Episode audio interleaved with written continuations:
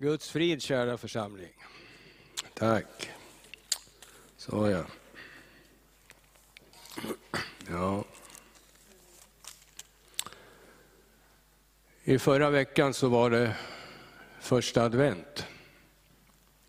Och då var det gå Sion din konung att möta. Och det var halleluja och hosianna och glädje och jubel. Men eh, nu är det andra advent. Nu är det back to business, back to basics.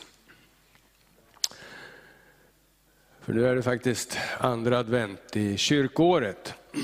Och den kallas faktiskt för lilla domsöndagen. Så nu vet ni det, vad ni har att vänta er av den här predikan. För den riktiga domsöndagen, den var ju för 14 dagar sedan. Och det är den sista söndagen i kyrkåret.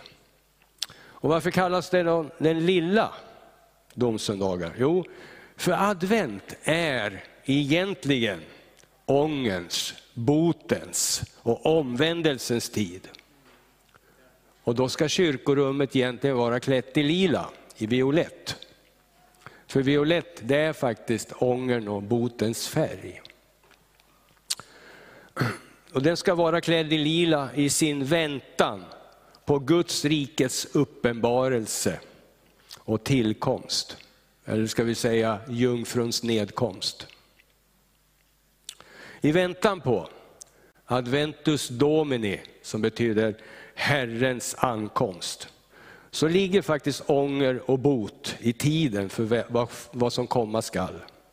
För barnet i krubban, det är det synliga beviset på att den rättmätige konungen har landstigit på den av fienden ockuperade territoriet, det vill säga jorden. För i början av Jesu gärning, efter dopet i frestelsens öken, Jesus döptes också utav Johannes. Men efter dopet i frestelsens öken kunde djävulen säga till Jesus, knäfall och tillbe mig så ska jag ge dig alla riken här på jorden. För åt mig är den given och jag kan ge den åt vem jag vill. Och Jesus, han protesterade inte emot usurpatorns begär här och anspråk på jorden. Därför att vid Adams fall så blev den faktiskt honom given. Djävulen hade makt att ge alla riken på jorden åt Jesus. Bara han knäföll och tillbad. Men i och med att den rättmätige konungen ur jorden hade kommit och landstiget var återerövringen och Guds herravälde över jorden på G. Och även så riket, en del av det var i alla fall på väg att återerövras. Och predikotexten för andra advent, det hämtar jag ifrån kyrkotexten, Markus 1 och 14 och 15.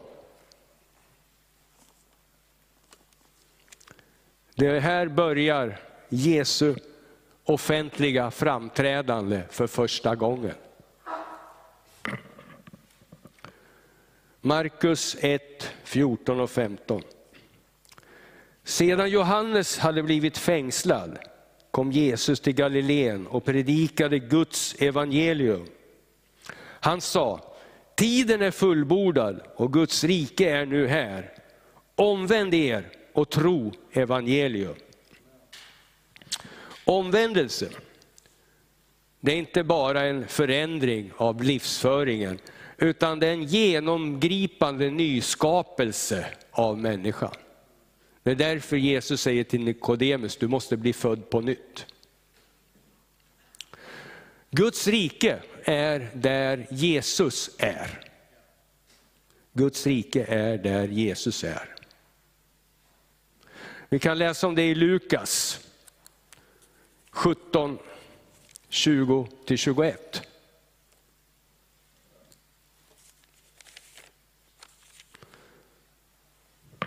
Då står det så här. Då Jesus blev tillfrågad av fariseerna om när Guds rike skulle komma, svarade han, Guds rike kommer inte så att man kan se det med ögonen, Ingen ska kunna säga, se här är det, eller där är det. Nej, Guds rike är mitt ibland er. Nu är det så att det här ordet mitt ibland er, det är egentligen är det inte rätt översättning i grundtexten. Det ska egentligen stå inom er. Det är vad ordet entos betyder, i er. Men å andra sidan, jag förstår att de har haft den här lite långsökta översättningen med tanke på att Jesus stod och pratade med fariseerna här i det här läget. Och eftersom Guds rike är där Jesus är och det var kanske inte så värst mycket Guds rike i dem. Va? Så då var ju Guds rike mer närvarande i Jesus än i dem. Men ordet entos på grekiska betyder faktiskt inom eller i er. Och det är det jag vill så att säga lägga en fas på här. Alltså det är Jesus i mig och jag i Jesus. Paulus säger också till kolosserna, Kristus i er, härlighetens hopp. Kristus i er, i er, härlighetens hopp. I Kolosserbrevet 1 och 13 så står det, han har frälst oss ifrån mörkrets välde och fört oss in i sin älskade sons rike. Och i andra kapitlet där, vidare, så står det, nu blir det lite längre text här, vet du, men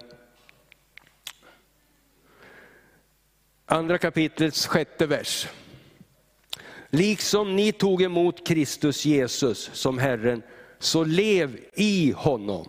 Och låt er rotas och uppbyggas i honom och befästas i tron i enlighet med den undervisning ni fått och överflöda i tacksägelse. Ty i honom bor gudomens hela fullhet i kroppslig gestalt och i honom är ni uppfyllda, han som är huvudet över alla makter och väldigheter. I honom blev ni också omskurna, inte med människohand, utan med Kristi omskärelse, då ni avkläddes er syndiga natur och begravdes med honom genom dopet, som ni nyss har sett. I dopet blev ni också uppväckta med honom genom tron på Guds kraft. Han som har uppväckt honom från de döda.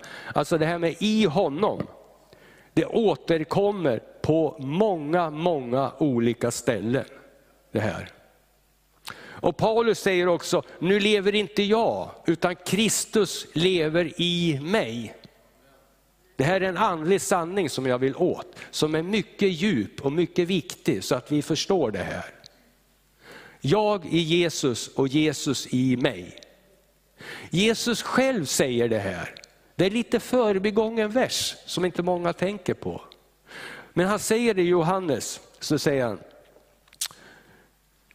det ska komma en tid då ni ska förstå att jag är i Fadern och Fadern är i mig och jag är i er. Jesus själv säger det här. Och det här liksom ordet för att förstå, det är ett grekiskt ord som heter ginosko. Det betyder att man får en djup kännedom. Det är inte förstånd med huvudet, utan det är förstånd med hela min inre människas verklighet. En djup intim förståelse av att Jesus är i mig och jag är i Jesus. Det är det här det handlar om. Alltså. Och därför står det också exosia gotos, det här. Mörkrets välde. Och inte basileians gotos, alltså mörkrets rike. Det är en skillnad här, en distinkt skillnad här som vi ska ha klart för oss. Därför att djävulen han har egentligen inget rike. Han har bara ett välde. För att om man stjäl eller bedrar för att komma i åtnjutande av en sak så är man inte den rättmätiga ägaren av saken. Bara för att man för stunden råkar vara i besittning av densamma. Så när den rättmätiga ägaren, Gud, dyker upp på plan så återför han oss från mörkrets välde till sin älskade sons rike. Och riket är där Jesus är, och var är jag då? Jag är i Jesus. Jag är i riket. Och det här, det etableras, det sker genom frälsningen. Då etableras Guds rike inom oss. Att sedan också det yttre riket som fienden påstår sig ha makt över, det kommer också tas ifrån honom. Då Gud blir allt i alla. Men det blir en senare fråga som jag får återkomma till någon annan gång. Men i vilket fall som helst. Men nu går Jesus omkring i Galileen och predikar evangelium, som är en Guds kraft till frälsning. Han proklamerar alltså Guds rikes närvaro genom sin blotta person. Och det här med vad han vill då. Han vill genom detta att vi ska ansluta oss till honom i ett uppror mot fienden och återerövra det av honom ockuperade riket. Sådär. Och för att bli soldater i hans armé måste vi erkänna Jesus som konung och den rättmätige ägaren av riket. Det vill säga mig själv. Och därmed avsäger vi oss mörkrets välde. För att bli soldater i hans armé och medborgare i det riket, så måste jag erkänna Jesus som konung. Och det här det sker i kraft av evangelium. Och hur detta sker, det kan jag berätta lite grann för er. Hur jag blev frälst. Jag blev frälst första dagen som jag muckade ifrån fängelset. Och det var så att jag skulle hit till Eskilstuna, men eh, tåget stannade till en timme i Norrköping. Och det har den aldrig gjort förut och jag förstår nu efteråt varför. För jag skulle av där. Och då tänkte jag, för jag har precis bara timmen innan muckat ifrån fängelset och, och när man har suttit ett antal år i fängelse då är man törstig. Då är man torr som en planka. Och jag visste, jag hade bott i Norrköping tidigare så jag visste precis var Systembolaget låg så att jag var med full fart på väg dit. Och precis när jag kommer förbi Domus, borta vid Hörsalsparken i Norrköping, precis vid hörnet och ser den där gröna skylten, så står en människa framför mig. Och det var min gamle kompis, min vän Kenneth, som hade gått och blivit frälst utan att be mig av lov medan jag satt inne. Ofin människa va? Gå och bli frälst sådär helt plötsligt utan att be mig om lov. Ja. Så han började vittna för mig. Han började berätta om Jesus och frälsningen och det här. Liksom. Och, och så jag tänkte, käre Kenneth, vad har det blivit av dig? Vet? Har du gått med i hycklarkören du med? Sådär, va? Och jag försökte, jag var irriterad på det här. Liksom. Jag försökte liksom flytta på honom. Va? Så här. För jag hade 25 meter kvar till bolaget, där min lycka låg, va? trodde jag då. Och han står där och, och, berättar om Jesus och frälsningen. Och så, och, och, så, och det, för mig, va, det här med Jesus och frälsning och sånt där, det var, det var alltså vansinnigheter. Det var dumheter och konstigheter, värda att bara helt förkastas. Och mitt i allt det där så händer någonting mycket märkligt med mig. Helt plötsligt när han står och pratar så blev det det mest trovärdiga och korrekta och sanningsenliga. Och att bara ta till sig och bejaka. Det, var så för, alltså det här är länge sedan och jag kan än idag återkalla samma känsla av förbryllelse. Jag var fullblodsateist ena tiondels sekunden och andra sekunden var jag varmt troende. Alltså det var så märkligt alltså det där. Va? Att jag blev troende så här, vips. Utan att jag överhuvudtaget hade tagit någonting i övervägande. Va? Det var inte så här liksom att ja, det där låter vettigt och det kanske vore något att satsa på. Så Tvärtom egentligen, jag tyckte det var vansinne. Och helt plötsligt, pang, så blev jag troende. Alltså, det är det här som Paulus talar om i Korinthierbrevet. Jag ska ta upp det här i Korinthierbrevet. Korinthierbrevet 2, 3 och 5. Och i Thessalonikerbrevet sen så står det, svag, rädd och mycket orolig kom jag till er. Och mitt tal och min predikan bestod inte i ord som skulle övertyga genom mänsklig visdom, utan genom en bevisning i ande och kraft. Vi vill inte att er tro skulle bygga på människors visdom, utan på Guds kraft. Och precis samma sak så säger han i Thessalonikerbrevet. Ty vårt evangelium kom till er, inte bara i ord utan i kraft och den heliga ande och gav full visshet.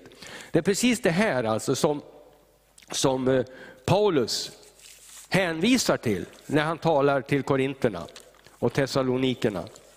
Det här, ni kommer väl ihåg vad som hände när jag predikade för er?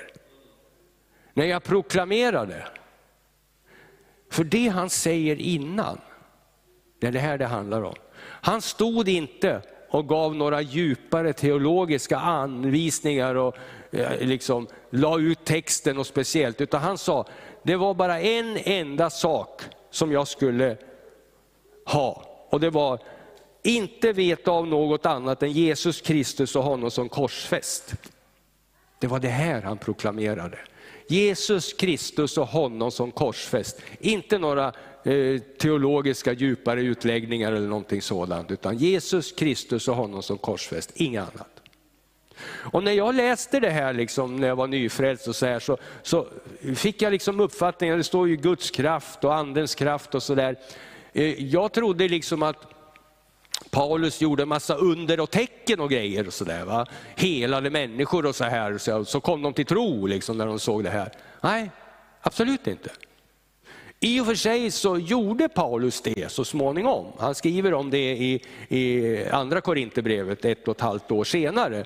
När han skulle försvara sitt apostolat så skriver han ju liksom att att eh, vad som kännetecknar en apostel har blivit utfört hos er med all uthållighet genom tecken, under och kraftgärningar.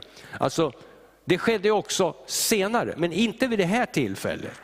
Vid det här tillfället så var det precis det här som hände med de i Korint och de i Thessalonika, som hände med mig. Inga under och tecken, utan evangelium, Guds kraft till frälsning. Den heliga ande födde tro i min själ på ett ögonblick. Och det var så här liksom att, alltså det här med under och tecken, det ska jag också säga, att vi tror så ofta att det måste ske en massa under och tecken för att folk ska tro och så vidare. Va? Men så är det inte. Och jag får höra det av sådana som inte är frälsta, liksom, att finge jag se en ängel så skulle jag tro. Va? Men det ligger faktiskt inte till på det viset. I och för sig så kan under och tecken alltså göra en nyfiken och tycka att oj, vad är det här som sker och sådär. Va? kan vi öppna lite grann. Liksom. Men för att bli frälst så behövs det inga under och tecken. Alltså. Utan det är andens kraft genom evangelium det handlar om.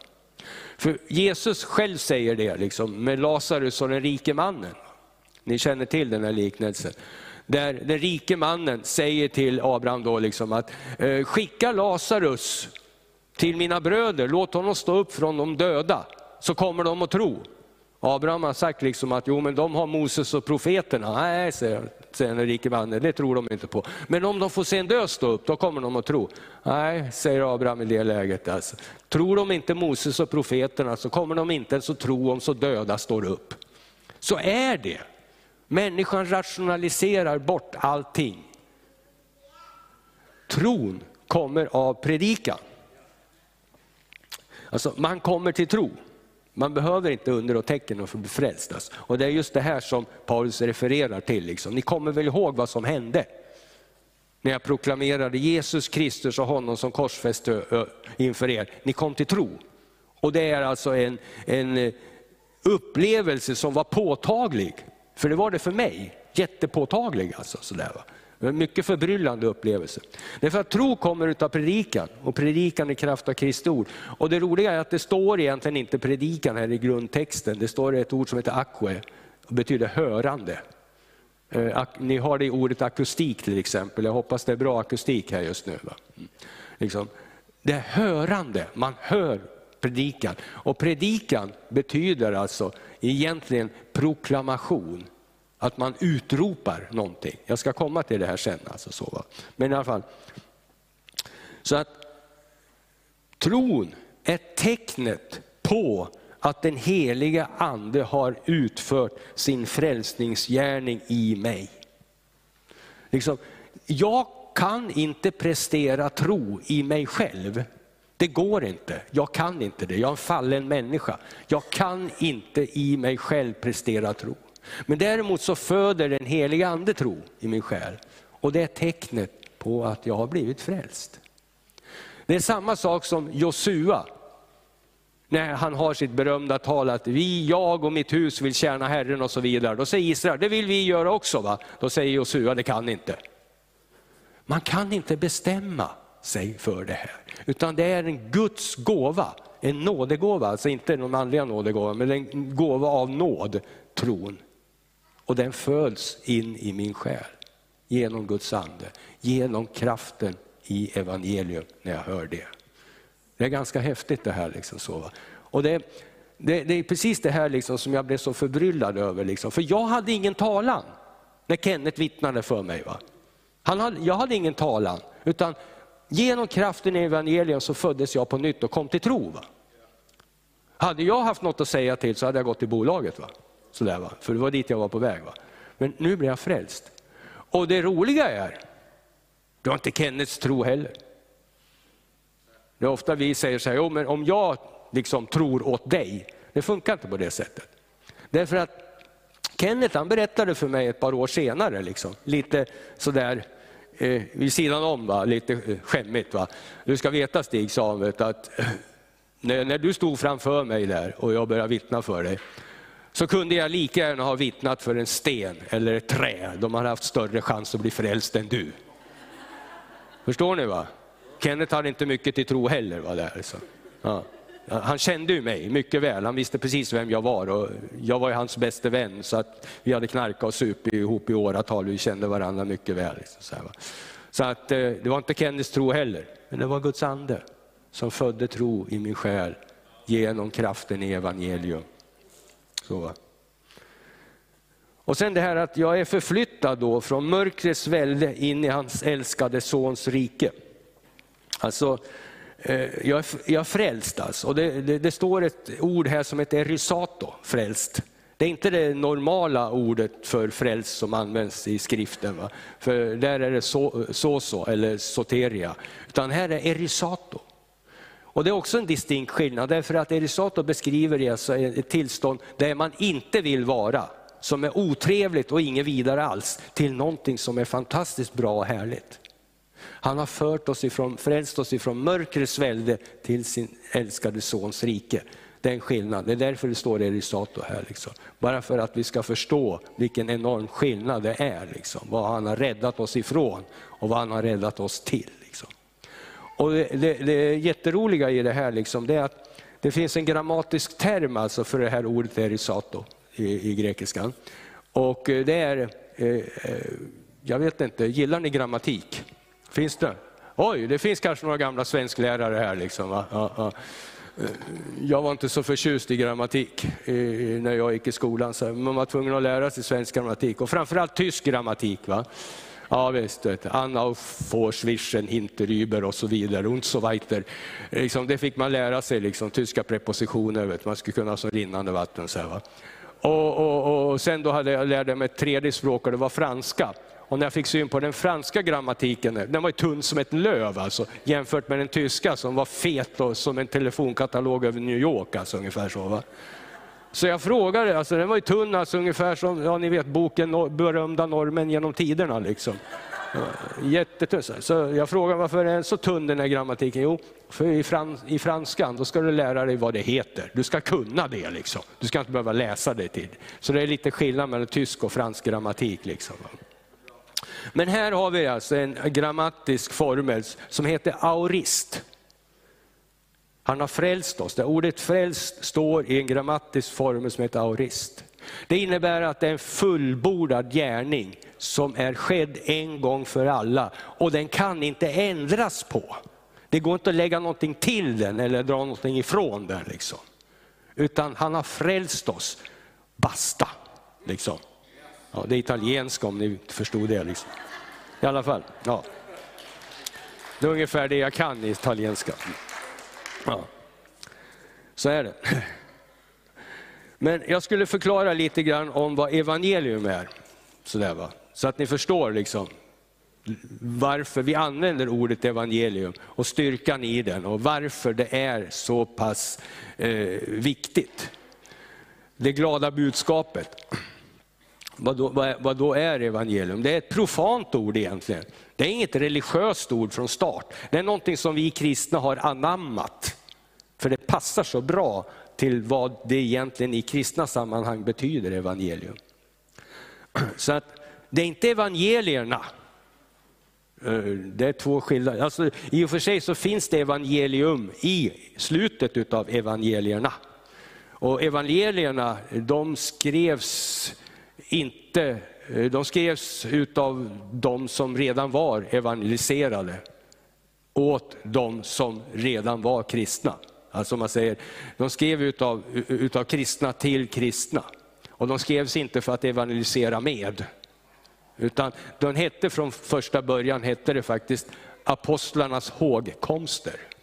Namn evangelierna, det fick de hundra år senare någonstans där. Så, va? Så att evangelium och evangelierna det är liksom lite två skilda saker, man ska inte blanda ihop dem, här, även om det ena finns i det andra så att säga. Ja. Det var väl inte krångligt va? ja.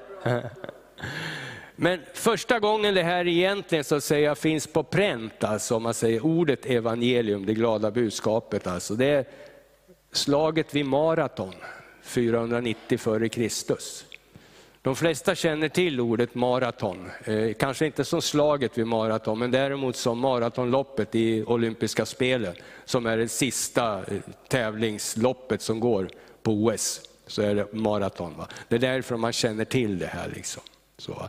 Men faktum är att det var ett slag vid maraton 490 f.Kr. Jag ska sätta det i ett sammanhang utav bibliska termer. Det är ungefär samtidigt när Esters bok skrevs.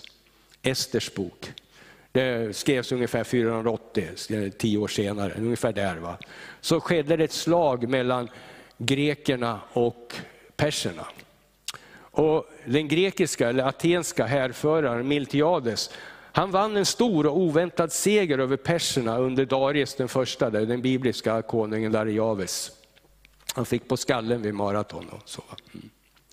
Och Miltiades, han skickade då en kille som hette Feidippides. Han finns namngiven alltså. Den första maratonlöparen. Den eh, första maratonlöparen 1896, då, liksom, när de olympiska spelen start, startade. Liksom. Det var faktiskt också en, en, en grek som eh, eh, eh, vann det loppet. Va? Ja. Eh, nu har jag glömt bort hans namn, men i alla fall. Ja. Eh, men Miltiades han skickade den här Feidippides med budskapet om den stora segern till Aten. Löpandes 42 kilometer i full rustning, sägs det. Det maratonloppet är 42 kilometer och det är 42 kilometer mellan maraton och Aten. Och när han kom fram så utropade han, Kairete Nikomen. På grekiska, jag ursäktar mitt uttal, jag kanske inte är riktigt, jag är inte grek så jag kanske uttalar lite fel, men i alla fall. Kairete Nikomen utav. Gläd er, vi har segrat, betyder det. Gläd er, vi har segrat. Varefter han föll ihop och dog. Ja, han framförde sitt budskap och sen dog han. Han predikade evangelium om den stora konungens seger vid slaget. Det är det glada budskapet, evangelium. Våran konung har vunnit seger. Det är innehållet i evangelium och det var det från första början. Alltså, en, en, en, eh, ordet predika, kerisein, betyder som jag sa tidigare utropa eller proklamera. För den här killen, alltså Feidippides, han var alltså en keryx, heter det alltså. ingen predikant, men han var en härold.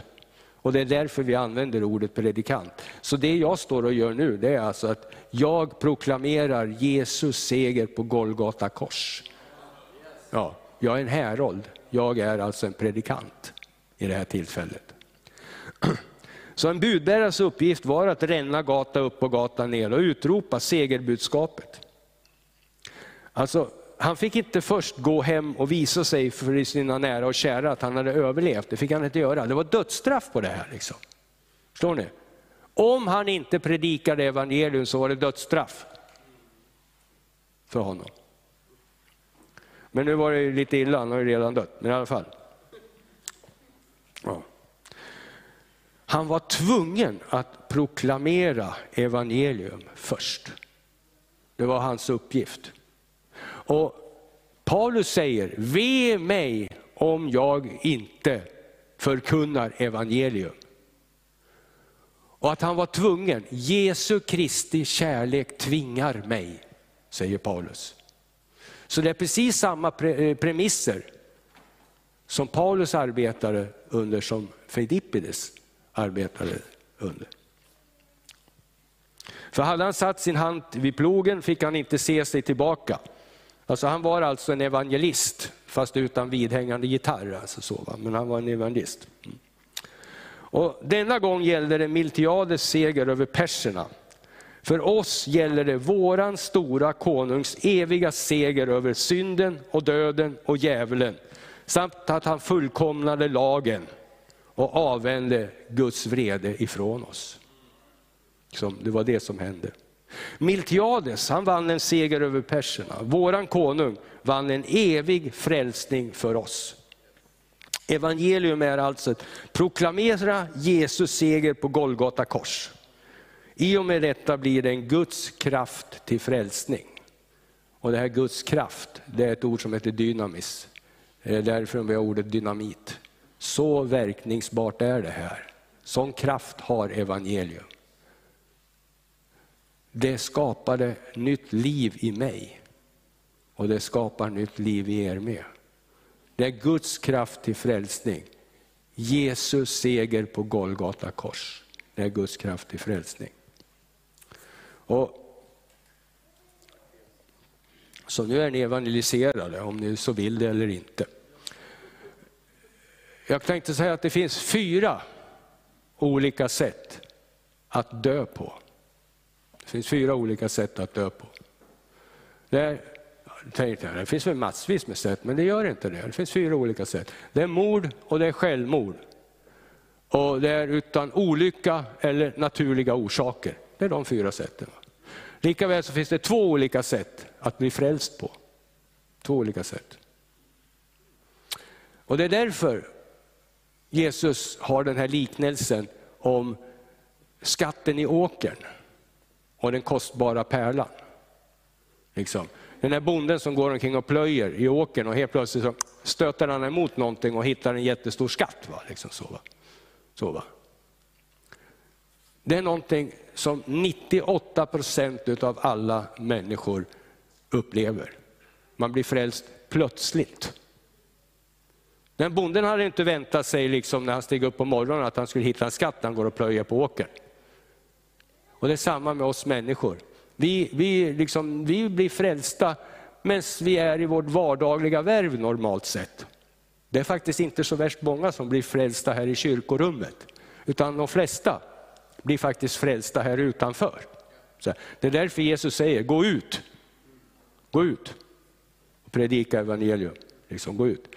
Därför att Helt plötsligt i vardagen så får man höra ett ord, man ser någonting på tv, eller man hör något på radio, eller läser någonting, eller någon vittnar för en. Och sen är man där och blir frälst. Man hade säkert inte förväntat sig det på morgonen när man vaknar, att idag ska jag bli frälst. Det är ytterst få som har den tankegången, jag tror inte några har det. I så fall kan man räkna dem på ena handens tumme. Så många är det. Det är som med min lillebror till exempel. Han berättade för mig hur han blev frälst. Han vaknade mitt i natten. Och så kliver han ur sängen och går ut på balkongen och så ställer han sig och tittar på stjärnehimlen mitt i natten så här. Va? Och så är det som någonting kommer över honom och han går in igen och tar fram sin konfirmationsbibel ur bokhyllan. Och så slår han upp den och läser, i begynnelsen skapade Gud himmel och jord. Och han bara, ja, det är sant, det stämmer. Där blev han frälst. Han hade inte en tanke på fem minuter innan att han skulle bli frälst, utan pang, det var Guds ande. För Guds ord kom i hans väg. Och så är det. Det är en kraftig frälsning. Helt plötsligt. Och eh, de flesta, de, de, eh, den här liknelsen översätts med liksom oftast, eller predikas över hur dyrbar frälsningen är. Va? Att den är så dyrbar. Att eh, det är värt att, eh, för han säljer ju allt han äger och har för att komma åt den här åkern. Va? Liksom så, va? Att den är så dyrbar frälsningen så det, man ska göra sig av med allting liksom, som är en till hinders. Det står till och med att man ska riva ut ena ögat om det är till hinder och så vidare. Nåja, men i alla fall liksom att frälsningen är värd så pass mycket. Och det stämmer väl i och för sig, sådär, vad det är värt. Det finns ett par stycken ställen i Bibeln som talar om det här. Jag tänker ta till exempel profeten Elisa. Sådär. Elia när han var i grottan, då, vet du, Gud sa åt honom, vad, vad håller du på, vad, vad gör du här Elia? Ja, så här, då sa Elia att de har dödat alla profeter och jag är den enda kvar. Och då säger Gud, nej det finns 7000 som inte har plöjt ner för barn. Så gå iväg nu, sa han, och du ska smörja eh, Hasael till konung över Aram och sen Jehu, Nimsis son, ska du smörja till konung över Israel. Och så ska du eh, smörja Elisa, Safats son ifrån Abel Mehola, till, eh, till eh, profet efter dig. Och Elia går iväg och gör det. Liksom så. Han kastar sin mantel över Elisa. Och, och det intressanta med Elisa här, liksom, det är att profeterna frågar, liksom, vet du nu, du förstår nu vad jag har gjort? Ja, säger han, jag begriper det här. Jag ska bara gå och säga farväl till mamma och pappa och sådär. Och vad gör Elisa sen? Jo, man ser det här, alltså att han, han går och plöjer med tolv par oxar. Det innebär att Elisa var ingen fattiglapp. 12 par oxar, jag menar liksom, det är 24, det är en hel jord alltså. Det är en betydande förmögenhet på den här tiden. Och går man och plöjer med 12 par oxar, då har man också mark för det. Det var ingen kolonilott han gick och plöjde på, liksom, utan det var stora marker, stora ägor. Om man tittar sen också vad han gjorde. Han tog det tolfte paret, slaktade dem och så kokade han köttet och så delade han. Han ställde till med en brakfest när han följde Elia. Har ni tänkt på hur mycket slaktkött det är på två oxar? Det är mellan 400 och 500 kilo slaktkött. Det var inget fredagsmys han ställde till med, va? utan det var en jättefest. Och sen följde han Elia. Och vad blev det av honom? Jo, på hans dödsbädd så kommer Joas, konungen av Israel och säger åt, åt du som betyder för Israel mer än vagnar och ryttare. Alltså en enda man betydde mer för landet än hela armén. Då har man nått upp till högsta topp. Då är man värdefull. Men frågan är, hur började han sin gärning? Hur började Lisa sin gärning? Jo, ett par kapitel innan så kan man läsa när de börjar fråga, finns det ingen profet här i Israel? Jo, vi har Elisa här, Safats son. Han, han, han, han som plägade gjuta vatten på Elias händer. Han började sin profettjänst med att tvätta Elias händer. Det börjar alltid i det lilla. Det börjar aldrig vagnar och ryttare.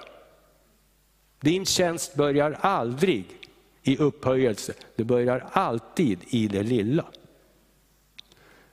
I Guds rike och i församlingen så är vi alla medtjänare. Paulus kallar sig för Jesu Kristi slav, doulos. Inte diakonos, det var lite finare, det var en husslav. En doulos, det var en sån där som arbetade på åkern och grävde diken och slet som ett hund. Alltså. Jesu Kristi slav, är vi bättre än Paulus? Vi är inte kanske kallade så mycket till att tvätta varandras händer, men däremot varandras fötter.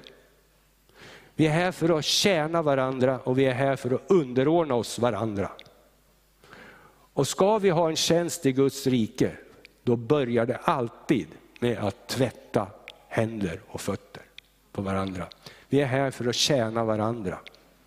Det är det här det handlar om. Elisa var ingen fattiglapp. Ja, nästa grej, då har vi i Nya Testamentet. Matteus. Levi, när Jesus, Jesus kallar honom. Han sitter vid tullhuset, jag har alltid haft den här bilden för mig, att där sitter en, en lirare vet, i sandaler och skit i kaftan vet, och sådär, sitter på backen utanför tullhuset. Men när man tänker efter så fanns det en annan tullare också, Jeriko. Vad står det om honom, Sackeus? Han var rik. Jag tror inte Matteus var så värst mycket fattigare han heller. Han var också publikan, han var också tullare. Han hade nog också skott sig. Det var ingen fattiglapp. Och det visar sig sen också. För vad gör han när han, när han följer Jesus?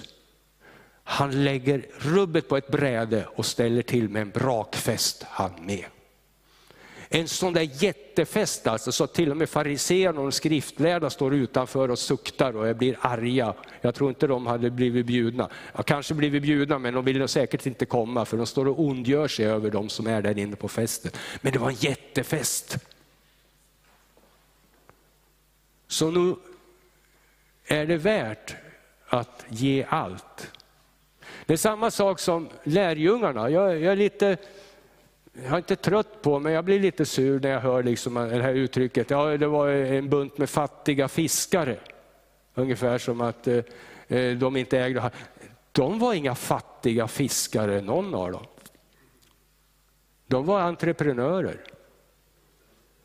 De hade företag, vinstdrivande företag. Alltså ni ska veta att, att, om man tittar i historien så ser man att exporten utav fisk från Genesaret, den var omfattande på den här tiden. Det var en stor industri på den här tiden. Och Petrus, Andreas, och Jakob och Johannes, de var involverade i det här. De hade nät, de hade tjänare och de hade båtar. En båt var nog inte billigare på den tidens penningvärde än att ha en fiskebåt idag. En fiskebåt är inte billig.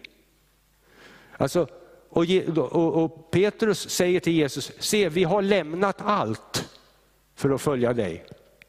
Man måste ha haft någonting för att kunna lämna allt. De var inga fattiglappar, det var de inte. De var framgångsrika företagare som lämnade allt för att följa Jesus. Man kan se det här med Johannes också, den där natten då Jesus blir förrådd och fängslad. Johannes har fritt tillträde till översteprästens hus och hem. Det har man inte om man är tiggare och sitter på gatan, då hade han inte ens fått komma innanför porten. Har man fritt tillträde, då är man någonting i samhället. Lärjungarna var inga fattiglappar, men de försakade allt för att följa Jesus. Så visst stämmer det att eh, frälsningen är värd att ge upp allting. Men det finns en annan sida på det här, en annan som jag bara hört det här predikas en gång förut och jag tycker det är så bra. Va? Det här med, med, med, med, med eh, den kostbara pärlan liksom och, och eh, skatten i åkern. För det är två olika grejer. Liksom. Det normala, hur man blir frälst, som jag var inne på. Det är plötsligt, som jag berättat. Liksom. Man kan bli helt plötsligt blir man frälst, normala. Men så finns det också efter långvarigt sökande efter långvarigt sökande. Det finns sökare också, sådana som söker. Det finns sådana. De är få, men det finns sådana. Och det står den som söker han finner. Men jag har, tyvärr måste jag säga att i dagens läge så är det så här att det finns många sökare, det finns många andliga sökare. Och jag har lagt märke till det här att de har faktiskt funnit men förkastat. Men de vill gärna fortsätta att kalla sig sökare. För det ligger något fint och upphöjt i att vara en sökare. Människor tycker det är fint att vara sökare, liksom, för då är man öppen och tolerant och inte dömande och så vidare. Alla vägar bär till Rom och alla religioner bär till Gud och så vidare. Och fortsätt söka du så kommer du kanske att finna och så vidare.